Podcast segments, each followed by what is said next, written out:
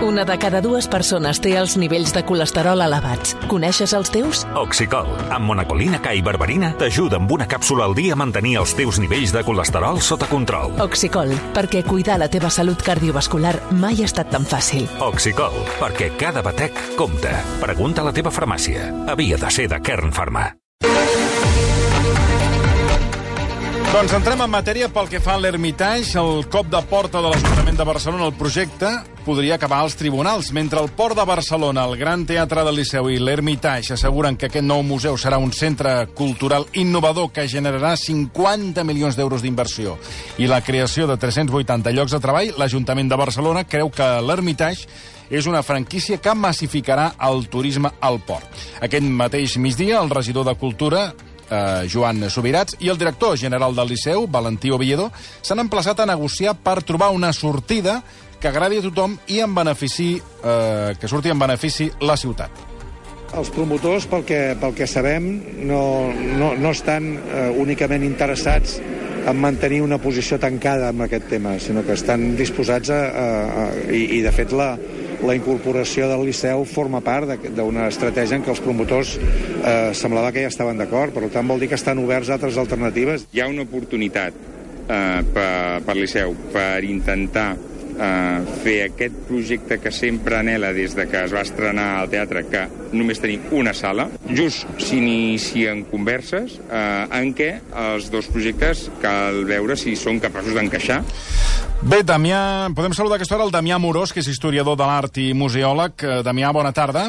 Bona tarda, Toni. Eh, gràcies per acompanyar-nos. Abans de res, Míriam Díaz eh, ens farà 5 cèntims del col·laborat ja mm. del, de l'Ermitage Barcelona. Sí, per situar una mica els oients, se'n va començar a parlar el 2012, quan Artur Mas era president de la Generalitat.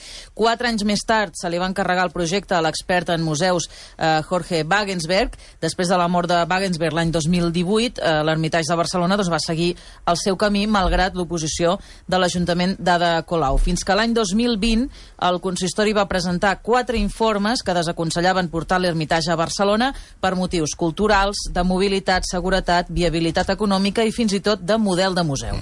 Però ara la primera qüestió que li, que li faig a, que li, al Damià Amorós és que ens expliqui eh, per què hi ha aquestes posicions tan, eh, diguéssim, eh, poc, de, de poc retrobament entre un sector, que seria ara mateix el, el, el Port de Barcelona, fins i tot el Liceu, i a l'Ajuntament de Barcelona. On radica el gran conflicte? Qui, quin, és, quin és el aquest punt de no en contra?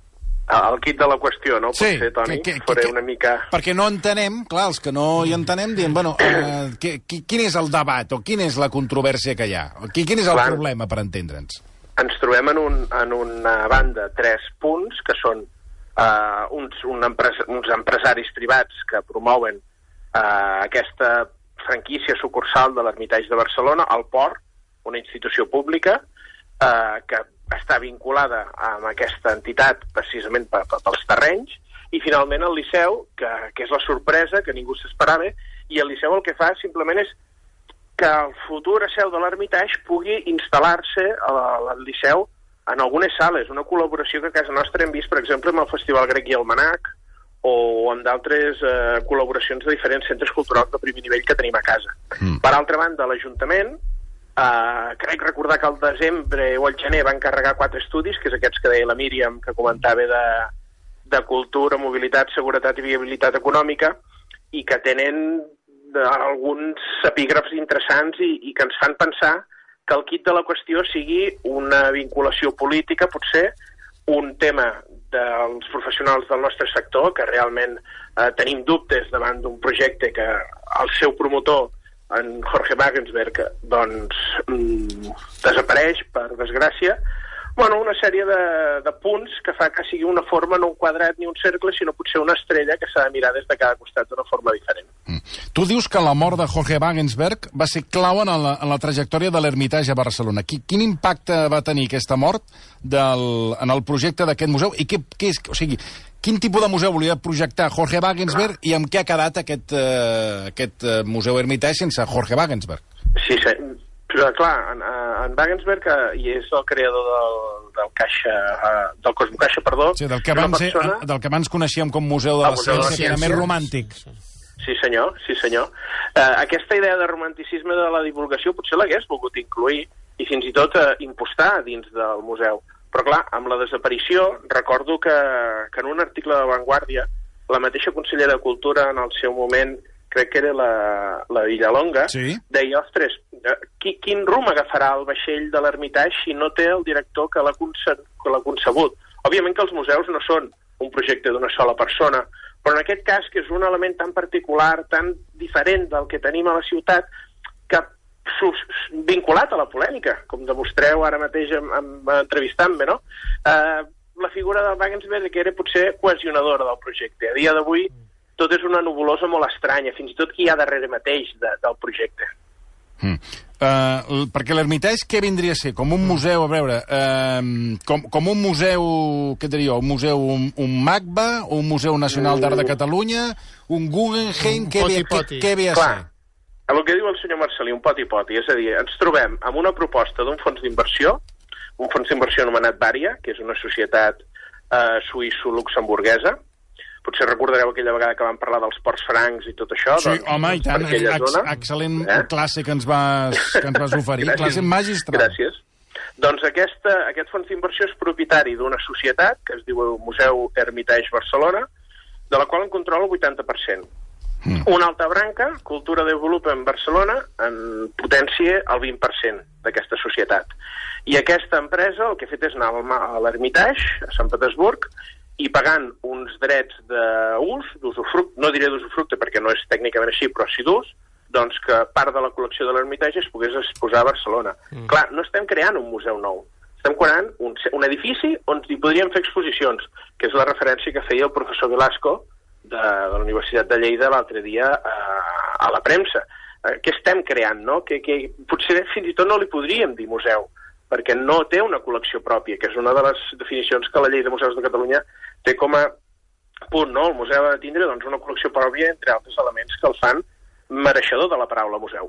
Mm.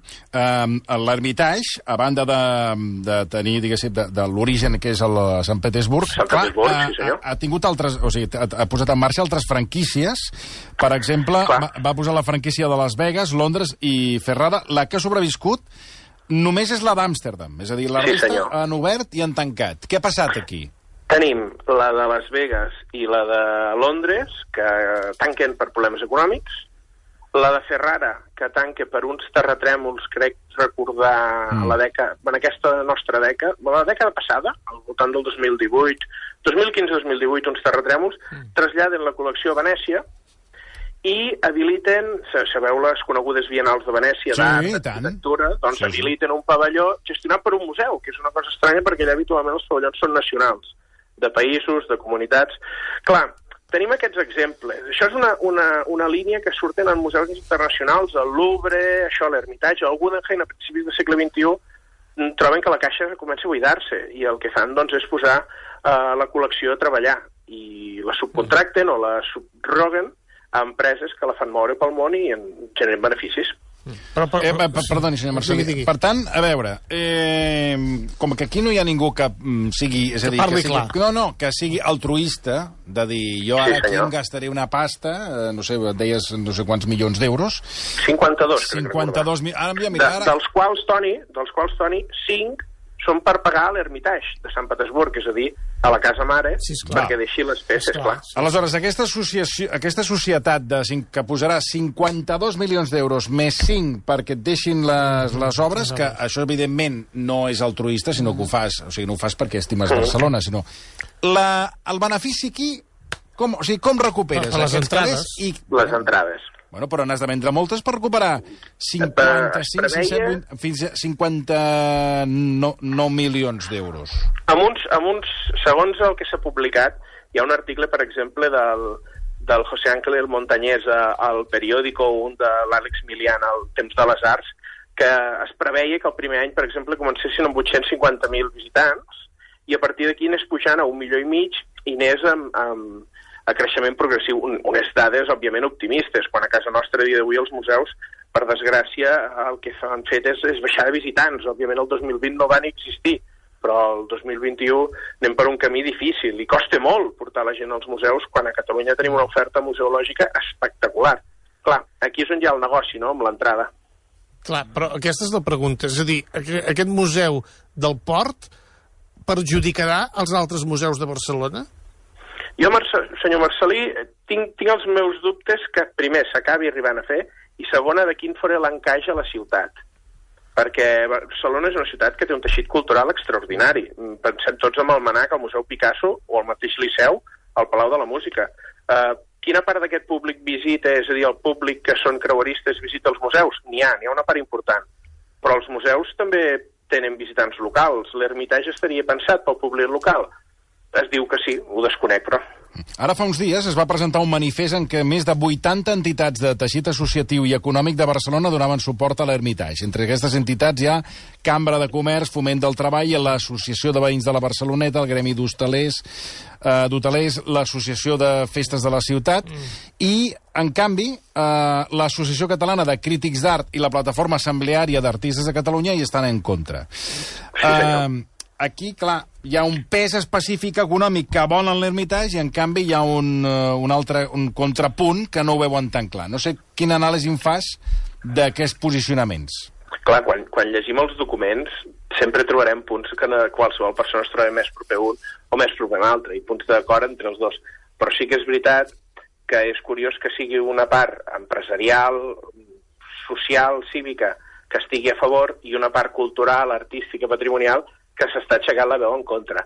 Mm, jo al final sempre crec que el que hem de fer és remetre'ns als experts, a la gent que en sap, i aquests quatre, projec eh, aquests quatre mm, projectes que, que l'Ajuntament encarregava crec que són la clau per entendre moltes coses. No? El que va en Ramoneda, els arquitectes, la mobilitat, la seguretat, ens dona eines per entendre mm, fins i tot cap on han d'anar els museus a Barcelona i a Catalunya a dia d'avui. Aleshores, eh, de tot el que m'has explicat, cosa Sí. que, que agraeixo moltíssim... que- que- jo, on ens hem de ficar? No, no, jo trobo bé que cadascú tregui les seves conclusions. Sí. Sí, senyor. Eh? Cadascú que tregui les seves conclusions. Que no- Ara, la meva, la, ja per acabar, la, ulti- la, la, la meva pregunta seria, aquí a l'Ermitage, teòricament, què, què veuríem? O sigui, obres que els hi sobren, que són del magatzem de l'Ermitage de Sant Petersburg, per exemple? Obres O, o, o què és el que veuríem aquí? El que s'ha comentat, eh, sobretot en premsa, és que veuríem eh, com a mínim cinc exposicions que serien realitzats en fons, en fons de l'Ermitage i l'entitat barcelonina no tindria un fons propi fins a partir del 2032, cosa que és una mica estranya. Per això comentàvem lo de la paraula museu o no i tot el que hi ha darrere de, del possible de l'Ermitage. Doncs, Damià Morós, eh, moltíssimes, moltíssimes gràcies. A vosaltres, Toni, ja sabeu, qualsevol cosa a disposar. Moltes gràcies. La veritat, eh, historiador de l'art i museòleg, eh, bueno, ara que cadascú prengui postura... Jo, jo encara no sé per on girar-me. No, jo... Jo... Jo, miri, jo aniré a veure la, sap, l'exposició del Manac, aquesta de la capsa fan? vermella, que aquesta... què és una capsa Una, vermella? la guerra que es diu... La guerra inacabada.